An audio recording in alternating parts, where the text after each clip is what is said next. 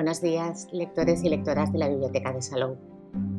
Os encontráis en el espacio Biblio Salou Radio, los podcasts bibliotecarios que os informan diariamente y vía radio de las novedades bibliográficas de la Biblioteca de Salou. Los podcasts de los lunes os hablarán de lo que podemos encontrar en las redes sobre una de las novedades de conocimientos para adultos del trimestre.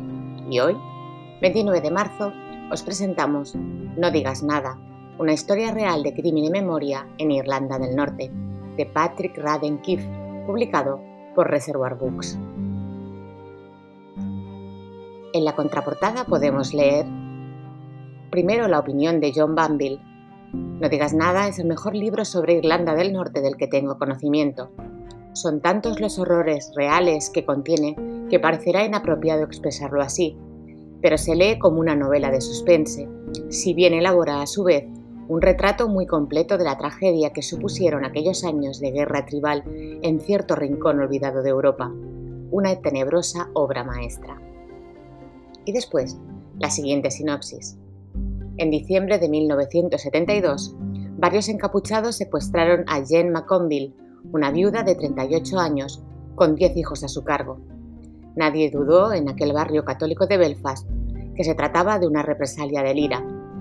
Sin embargo, el crimen no empezó a resolverse hasta 2003, cinco años después de los acuerdos de paz del Viernes Santo, al ser desenterrados los restos mortales de Macomville en una playa solitaria.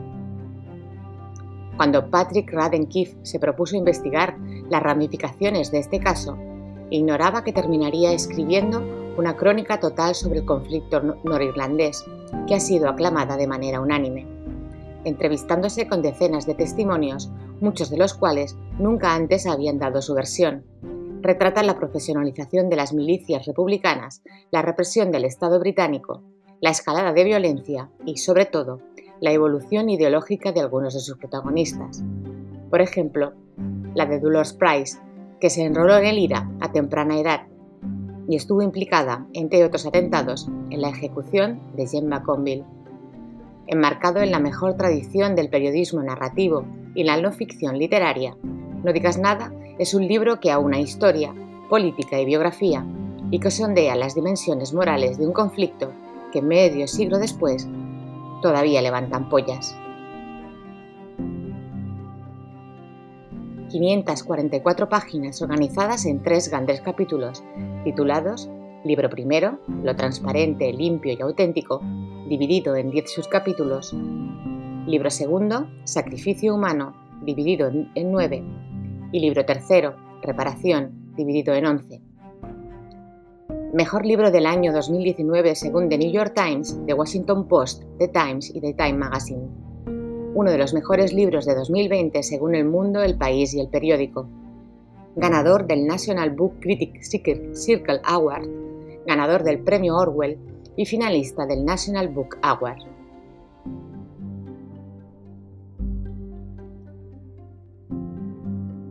Hablemos del libro. Es indudable que los conflictos territoriales han dado lugar a episodios cruentos y violentos a lo largo de los años, y hay casos en los que estos conflictos han pervivido durante décadas y a pesar de que hayan finalizado en la práctica, aún siguen latentes en la mente de la sociedad afectada. Uno de estos casos es de manera incuestionable el conflicto en Irlanda, especialmente en la época considerada de los troubles, disturbios.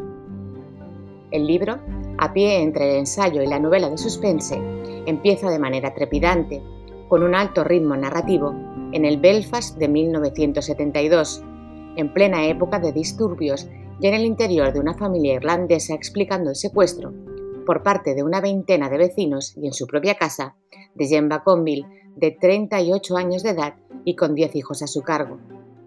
Una desaparición que les dejó durante 30 años sin saber su paradero ni si seguía con vida.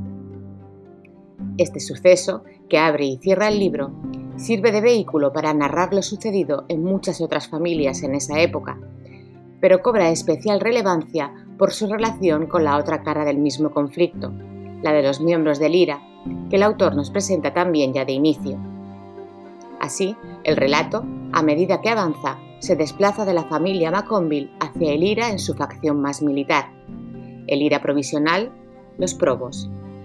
Allí aparecen en el relato sus figuras clave, las hermanas Marian y Dolores Price, casada con el actor Stephen Rea durante dos décadas. Brendan Hughes, miembro de los Dirty Dozen, una de las unidades operativas más violentas del movimiento. El controvertido Jerry Adams, desde su posición estratégica y posteriormente política, así como también miembros del ejército británico enviados a Irlanda del Norte para, combatir el IRA, con asesinatos y torturas si era necesario. De esta manera, el libro recorre cuatro décadas de conflicto, desde el reagrupamiento del IRA tras la marcha de Derry en 1968 hasta la finalización del proceso de paz, haciendo una parada profunda en las huelgas de hambre que fueron un punto de inflexión en el cambio de rumbo de un país que libraba en las calles la lucha para conseguir unos intereses dispuestos a pagar cualquier precio para ello, incluso en la propia vida o la de sus familiares. De esta manera, situando el punto de partida del libro en los inicios de los Troubles, a finales de los, de los años 60, Patrick Radcliffe elabora un relato perfectamente estructurado en tres grandes partes correspondientes a tres fases del conflicto claramente identificables. Claro, puro e indiscutible, sacrificio humano y reparación, en el que retrata de manera humana las vidas de aquellos que participaron en el mismo y las huellas que éste les causó y lo hace con la habilidad de narrarlo, evitando proporcionar excesivos, proporcionar excesivos detalles, pero sin dejar de lado el horror y la violencia de décadas de terrorismo republicano, pero también policial, a través de las cloacas del Estado británico. Así, el análisis que hace el autor en esta obra de no ficción es fiel a los hechos sucedidos, pero sin dejar de lado que detrás de cada acto, detrás de cada protesta, detrás de cada asesinato y atentado, hay personas, ya sean terroristas, víctimas o ambas cosas a la vez en algunos casos, y hay siempre consecuencias. Y este es otro de los puntos fuertes del libro, el tratamiento humano de aquellos que tomaron parte en el conflicto, desde los dos frentes, aunque principalmente del perteneciente a los miembros del IRA. El autor centra el relato partiendo de, dos de sus personajes clave, intentando transmitir cómo pensaban, cómo sentían, cómo vivían el conflicto y trata desde ellos la historia real, eliminando de esta manera cualquier recelo que el lector pudiera tener ante una posible avalancha de datos propia de un relato de no ficción sobre una época histórica. Así, centrando la, acción en, en unos pocos personajes y con un ritmo trepidante durante prácticamente todo el libro, el autor consigue mantenerte en tensión, a la vez que va añadiendo capas de información sobre lo sucedido en la época de los disturbios y los siguientes años. La velocidad en la que se sucede la narración es altísima, más propia de una novela negra que de un ensayo, y a veces uno tiene la sensación de estar leyendo un thriller, pues el equilibrio entre el aporte de información, la profundización de los personajes y la tensión narrativa es casi perfecto. Hay episodios duros, historias donde uno toma conciencia de la dificultad de vivir en una sociedad en constante conflicto, donde un atentado o un asesinato Puede ocurrir en cualquier momento, en cualquier lugar y puede que contra cualquier persona. Y también las vidas difíciles de los terroristas, vidas entregadas a una causa en la que un error o un interés te puede colocar en el punto de mira de los propios compañeros y asumir, pues la causa es el ente superior a todos, que debes escoger entre tu vida y el compromiso con el movimiento. Y puede que la elección tomada sea que debes morir. Y hacerlo en silencio, sin tan siquiera informar a la familia, pues una de las consecuencias de los troubles fue la instauración de la cultura del silencio, de ahí el título de la novela. Con tantas facciones armadas librando una guerra en las calles, un acto tan inocente como hacer preguntas sobre un ser querido desaparecido podía ser peligroso. Cualquier pregunta o declaración a la prensa o a la policía podía llevarte de golpe a ser secuestrado, amenazado o torturado y de cara a los familiares, estar simplemente desaparecido. Libro clave para entender el IRA partiendo de la época de los disturbios, en su formación inicial como guerrilla urbana, con su sistema de vigilancia, normas, compromisos e ideales, pero también importante para entender la evolución y crecimiento de un movimiento surgido por la simple reclamación de igualdad social y política, pero transformado en un grupo paramilitar terrorista. Así, estamos ante un libro asombrosamente escrito, que elimina de forma inexorable cualquier recelo que un posible lector pueda tener ante la lectura de un ensayo sobre este tema. Porque no nos engañemos, uno puede pensar que este no es un libro recomendable a lectores menos que estos estén familiarizados con la situación ocurrida o con los ensayos, pero no. La mano habilísima del autor se encarga de eliminar cualquier prejuicio, narrando los hechos de manera natural, no arrojando datos o suministrando información, sino centrando la acción en algunos personajes clave, metiéndose en su piel y logrando que conectemos con ellos, al retratar perfectamente su mentalidad, su ideología, pero especialmente su vida, Así, un libro que podría haber tenido una densidad inabordable, tras la información contenida en más de 100 páginas de notas y bibliografía, se convierte en casi una novela a ojos del lector, que olvida que estamos ante un ensayo y avanza por las páginas volando sobre ellas, empujado por la potencia del retrato que el autor hace de sus personajes. Las últimas páginas del libro hablan sobre el proyecto Belfast, en el que varios de los integrantes del IRA documentaron a través de entrevistas con periodistas sus experiencias con la única condición de que solo fueran utilizadas cuando todos ellos hubieran muerto y como trabajo meramente académico, y su propósito alterado por la petición judicial de tener acceso a esos archivos para, averiguar qué sucedió con Jen McConville. Y es en esta parte final donde cobra especialmente importancia la figura de Jerry Adams, siempre a caballo entre la política y el activismo, entre la lucha armada y la táctica. Un personaje con dos caras y un pasado, duro y contundente al principio, político y táctico después, y un pasado plagado de decisiones que afectaron la vida de otras personas y del que se esconde, rehuye y reniega, negando su pertenencia al IRA. Pero las grabaciones de varios de sus miembros más destacados, como Hughes, lo desmienten y confiesan su rabia hacia Adams por un acuerdo de paz que supone una claudicación, una renuncia. ¿De qué cojones sirvió? hablan muchos. Las vidas que había arrebatado, los jóvenes voluntarios que había enviado la muerte. La condición de estos sacrificios siempre había sido que con el tiempo quedarían justificados por el surgimiento de una Irlanda unida. Un Hughes que se lamenta afirmando que, tal como ha acabado todo, no hay una sola muerte que haya valido la pena o también las declaraciones de Dolores Price, quien viendo cómo acabó todo tras décadas de lucha armada se cuestiona, ¿es por eso que matamos? ¿Es por eso que morimos? ¿De qué se trataba en realidad?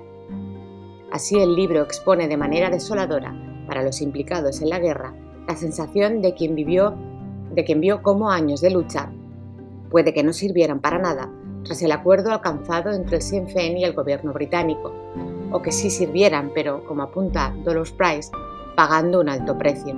Habían puesto bombas y atracado bancos y visto morir amigos e incluso prácticamente habían muerto ella misma, con la esperanza de que estas acciones violentas sirvieran para conseguir finalmente la liberación nacional por la cual habían luchado varias generaciones de su familia.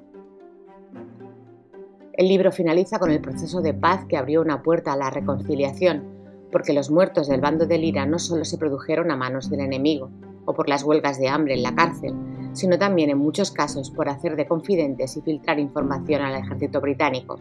Muertes que se producen de manera silenciada, ocultas a ojos no únicamente de las autoridades, sino también de sus familias, que ven como miembros de ella desaparecen y nunca más se sabe de ellas. Cadáveres que se encuentran años después, en cualquier sitio y de cualquier manera, en una triste y aterradora manera de dejar el mundo, solos y sin la posibilidad de ser llorados por la familia un proceso de paz y reparación necesario, gracias al cual los miembros del IRA informaron finalmente dónde podían encontrarse víctimas del lado irlandés y, y permitir el duelo de sus familias.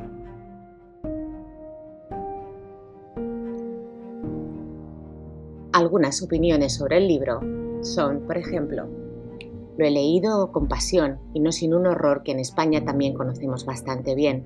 Sin duda, un gran libro. Javier Marías un libro que retrata de manera absorbente el conflicto de Irlanda del Norte y que es a partes iguales un true crime, una crónica historia y una tragedia. Keith ejerce el periodismo más incisivo y pone de manifiesto los terribles costes que tuvo el conflicto y cómo éste sigue latiendo hoy en día. Una lectura obligatoria. Gillian Flynn. Una crónica cruda, imparcial y absorbente. Un relato sobrecogedor y detallista que guarda el equilibrio perfecto entre ensayo y novela, al más puro estilo de Carrer o Gaitalés. Andrés Seoane, el cultural. Jugando con el ensayo, y el error, el silencio y la ambigüedad, Keith ha creado un retrato vivo de una sociedad incapaz de liberarse de una tragedia que sigue arrastrando a día de hoy. No digas nada consigue encontrar el equilibrio entre la investigación exhaustiva y las historias íntimas y personales de los personajes, creando una obra de no ficción accesible para todos, impactante y muy necesaria. Nuria Surrey, Nubul. Un absorbente tratado sobre la capacidad humana para antagonizar con el vecino hasta el punto de querer matarlo. Una potente denuncia sobre cómo no se puede construir futuro sin curar mínimamente el pasado. Y probablemente un hito instantáneo del mejor periodismo narrativo anglosajón. Kiko Alcedo, El Mundo, como, explica, como explican Radan Kif, Abad Falfacione, Audin o Aramburu, no todos fueron iguales. Se debe recordar quiénes fueron las víctimas, los verdugos y las personas normales que hicieron cosas horribles. Guillermo Altares, Babelia. Un ensayo riguroso escrito con estrategias dignas de la mejor narrativa de intriga. Leerlo hace tambalear las convicciones que se puedan tener sobre la lucha armada y la represión, policial en el Ulster. Jordi Nopka. ¿Qué sabemos sobre el autor? Patrick Radden Keefe, nacido en 1976, es escritor y periodista de investigación estadounidense. Además de ser autor de tres libros, ha escrito extensamente para muchas publicaciones, incluidas The New, The New Yorker, Slate y The New York Times. Actualmente es redactor jefe en The New Yorker. Lo hemos buscado en las redes y lo encontramos en Twitter, arroba Bradenkif y en Instagram, arroba, arroba Bradenkif también.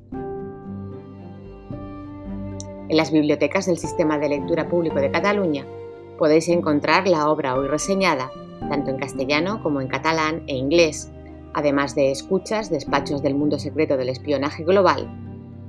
Y en Bibliocat únicamente está disponible No digas nada, y su versión en catalán publicada por Periscopi, No diguis res. También es autor de otros dos libros de no ficción, Chatter de 2006 y The Snack Heat 2009. Y hasta aquí el podcast de hoy, pero tenemos más novedades de conocimientos para adultos que iremos descubriendo los lunes. Que tengáis muy buen día y muy buenas lecturas que os acompañen en el día a día.